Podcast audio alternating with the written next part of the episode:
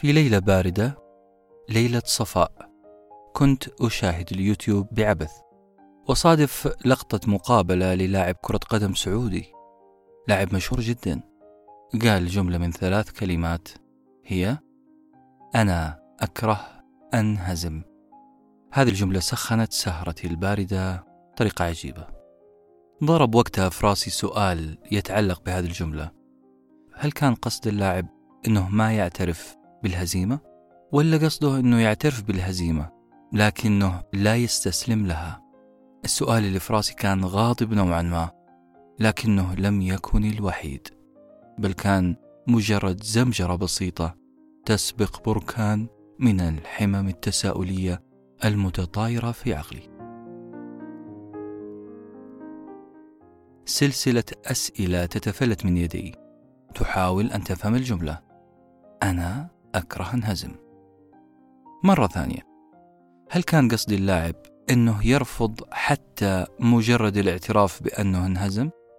يعني هو ينكر تماما ويعابط أنه انهزم هل نفهم من هذه الجملة أن اللاعب تعود على أن يلقي باللائمة على كل من حوله عند أي خسارة؟ ولا قصده أنه يعترف بالهزيمة لكنه لا يرضى بالاستسلام لهذا الشعور؟ هل قصده أنه يرفض أن يتعرض لسلسلة هزائم متواصلة بنفس الأسلوب؟ ولا هو شخص يتعلم من الهزيمة لينتصر لاحقا؟ ولا هو من النوع الذي يحرق الأخضر واليابس إذا تعرض لهزيمة يعني أشبه بنيرون الإمبراطور الروماني نيرون هو الإمبراطور الأخير في الدولة الرومانية هو الابن المتبنى اللي استلم العرش وعمره 16 سنة. الإمبراطور اللي فسد بعد استلامه الحكم فسادا مشينا لدرجة أنه صار ينزل الشوارع يعتدي على الناس يسلب أموالهم عنوة وبعين جريئة.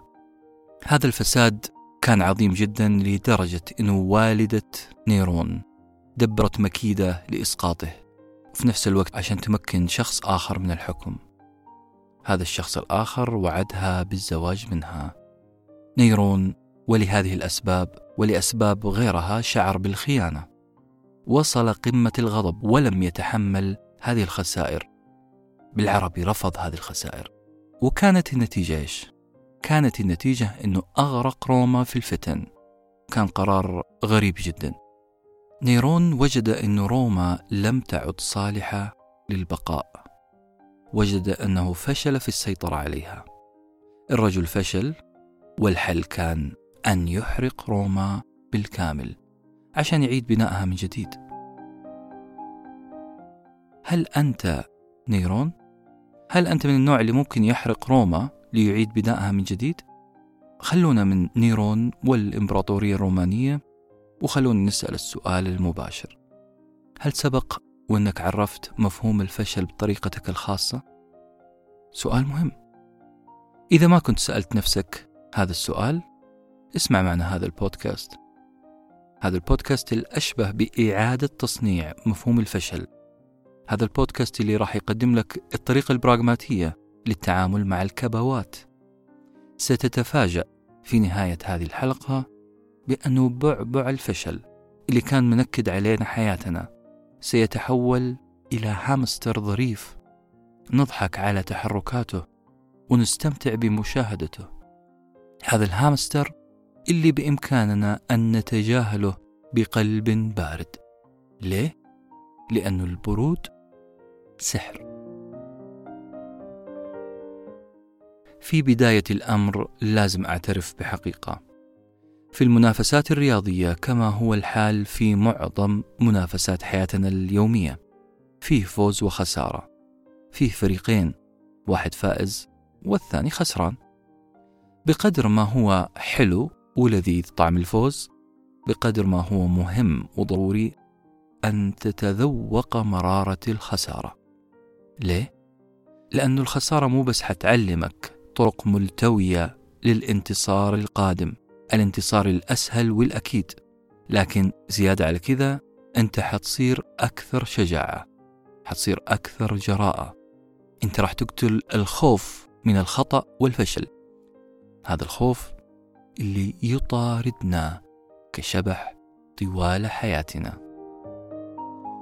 الظريف في كلامنا اليوم هو إنك ما حتقدر تحصل على السلاح الفتاك. السلاح اللي لا يحمله إلا القليل جدا من الناس. السلاح اللي هو مواجهة الهزيمة. لن تستطيع أبدا أن تمتلك هذا السلاح إلا بمواجهة الهزيمة نفسها. بطريقة أخرى لن تمتلك مناعة التصدي للهزيمة إلا بالهزيمة نفسها. هذا الشيء اللي خلاني أحترم مقالي اليوم. المقال اللي ما أفصحنا عن اسمه إلى الآن. خليني أوضح فكرة المقالة الرئيسية بمثال بسيط. شفت لما تشتري منتج ويجي مع هذا المنتج منتج ثانوي آخر اللي يسموه by-product أنت تشتري مثلا corn flakes ويجي معاه كوب لشرب الحليب مثلا يعني. الخسارة هو منتج رئيسي.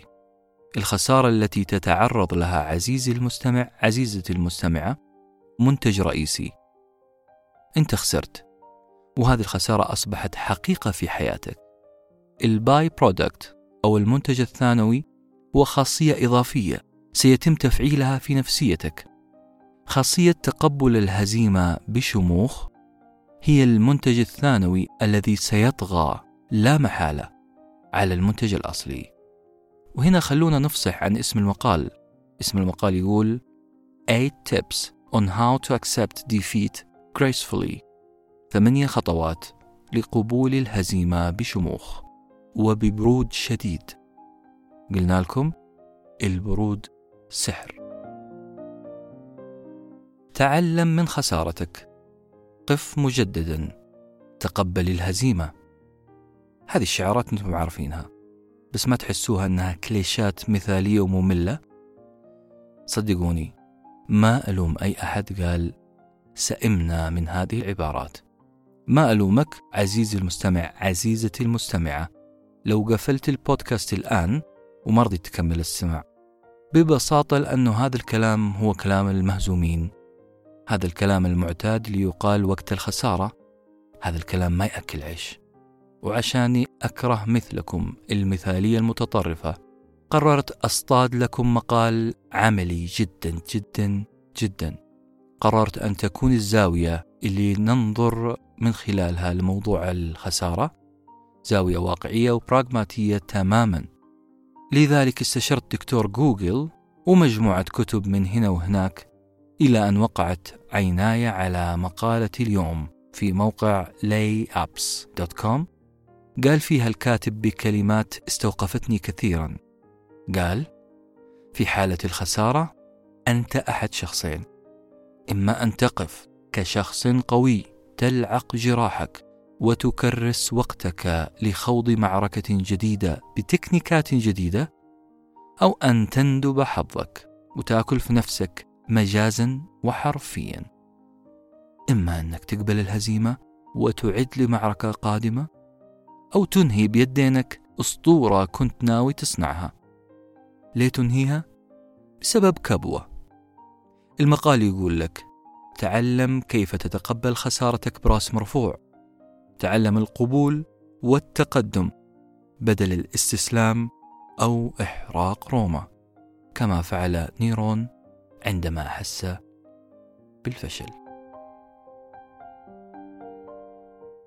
لو بحثت في أعظم الرياضيين في العالم أعظم الرياضيين اللي تعدهم على الأصابع ستجدهم يحملون نوعين من السلوك سلوك معلن وسلوك خفي.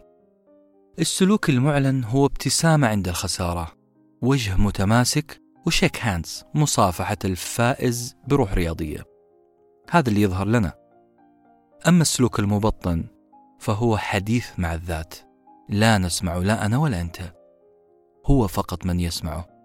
حديث ذات يتوعد في هذا الرياضي المهزوم بالفوز في اللقاء القادم.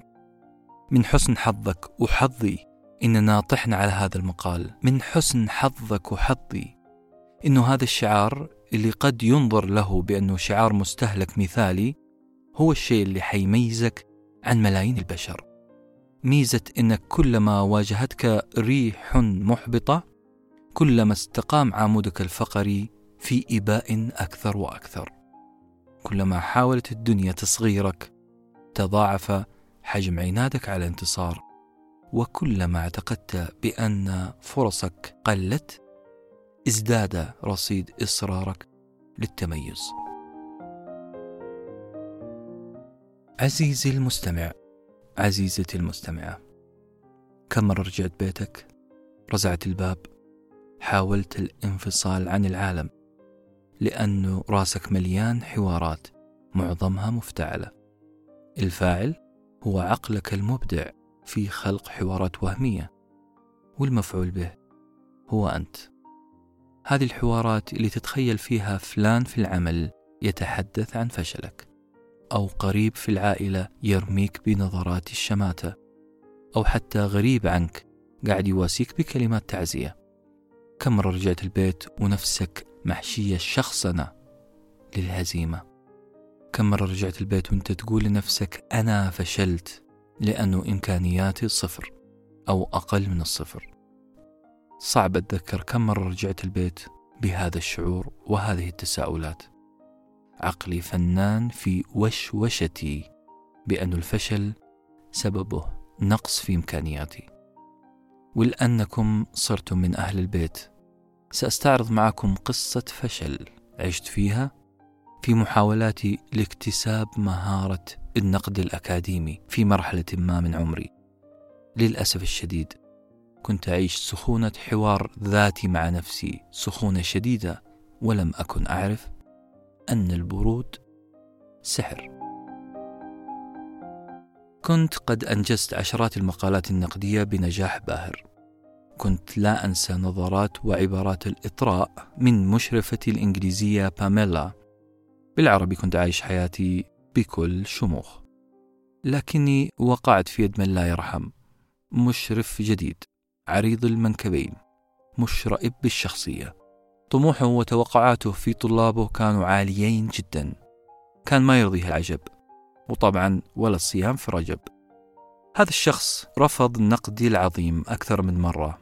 وامتلأت صفحات الوورد اللي كنت أرسلها له بهوامش تعليقاته الصارمة. وصلني معاه لمرحلة انعدام ثقة في كتاباتي ونقدي. هذا الشعور شعور انعدام الثقة تزحلق من عقلي ليصل لأوجه أخرى من حياتي. مثلا كلامي فقد فيه الثقة.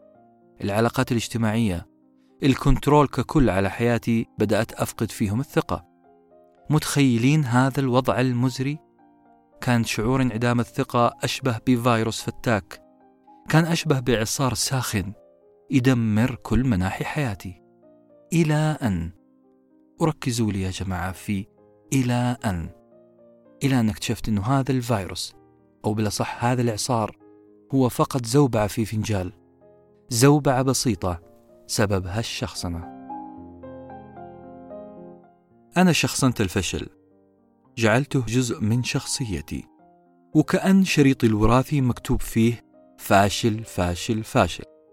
للأسف أنا شخصنت الفشل وجعلته في حمض الوراثي السؤال كيف كنت أستطيع أن أوقف هذه الشخصنة؟ الجواب بسيط وسهل جدا. تأكد أن الفشل والنجاح وراهم مليون عامل مختلف. واحد من هذه العوامل هو نقص الإمكانيات الشخصية. نقص المهارة يعني. وهنا يجي عيب الشخصنة. الشخصنة تلغي كل العوامل التي قد تساهم في فشلك وتركز على عامل واحد إنك ما عندك المهارة إنه ما عندك القدرة. الشخصنة تخليك تربط الفشل بإمكانياتك فقط وان إمكانياتك ناقصة. انت طعنت نفسك وختمت عليها بالفشل وهذه هي الكارثة. لكن زي ما قلت لكم الفشل له مليون عامل وعامل. مثلا لو انخفض تكييف قاعة جامعية درجتين مئوية فقط فقد يفقد الطلاب تركيزهم ويفشل التعليم كله. ملاحظين كيف العامل البسيط زي انخفاض درجة الحرارة درجتين فقط كيف ممكن يأثر على النجاح والفشل؟ فما بالك بك أنت في خضم منافسات ضخمة؟ كم هي العوامل اللي قد تعمل على إفشالك؟ عند الفشل لا تشخصن الموضوع. لا تحرق روما ولا مدريد ولا باريس. بطريقة أخرى يجب أن تدرس كل العوامل التي ساهمت في إفشالك لتعود من جديد. العودة من جديد أو الريمونتادا المصطلح الأسباني اللي انتشر في عالم كرة القدم ومعناه التشافي والعودة من جديد بعد الشعور بالهزيمة. لازم تعيش حالة ريمونتادا متواصلة. أن تعيش حياتك رغم نيران التنافس والمخاطرة والمجازفة. أن تعيش حياتك بردا وسلاما لأن البرود سحر. نختم هذا المقال القصير السهل الممتنع. نختم بشكل تخيلي يلخص لك طريقة تعاملك المثلى مع الخسارة. أنت تعيش في ثلاث دوائر يهمك أن تعرف هذه الدوائر لما تخسر. الدائرة الأولى هي دائرة قناعة. دائرة القناعة هي قناعتك بأن الحياة فوز وخسارة قد تكون في إحدى المعسكرين مرة هنا ومرة هناك. قبول الخسارة لا يعني استسلامك لها. هو قبول اعتراف وليس استسلام. الدائرة الثانية هي دائرة الدراسة. خلي قصتك مع الخسارة حالة دراسة case study أنت دورك هنا تستكشف نقاط الضعف والقوة أنت حتنتج من هذه الدراسة نموذج أفضل بتكنيكات أحدث لخوض منافسة جديدة. الدائرة الثالثة هي دائرة الموضوعية، وهذه الدائرة الأهم. هذه الدائرة اللي لا نستطيع بإرادتنا أن نتفاعل فيها بالشكل الصحيح. دائرة الموضوعية أي موضوعية التعامل مع الخسارة. موضوعية هي كلمة معناها عكس الشخصية أو الذاتية.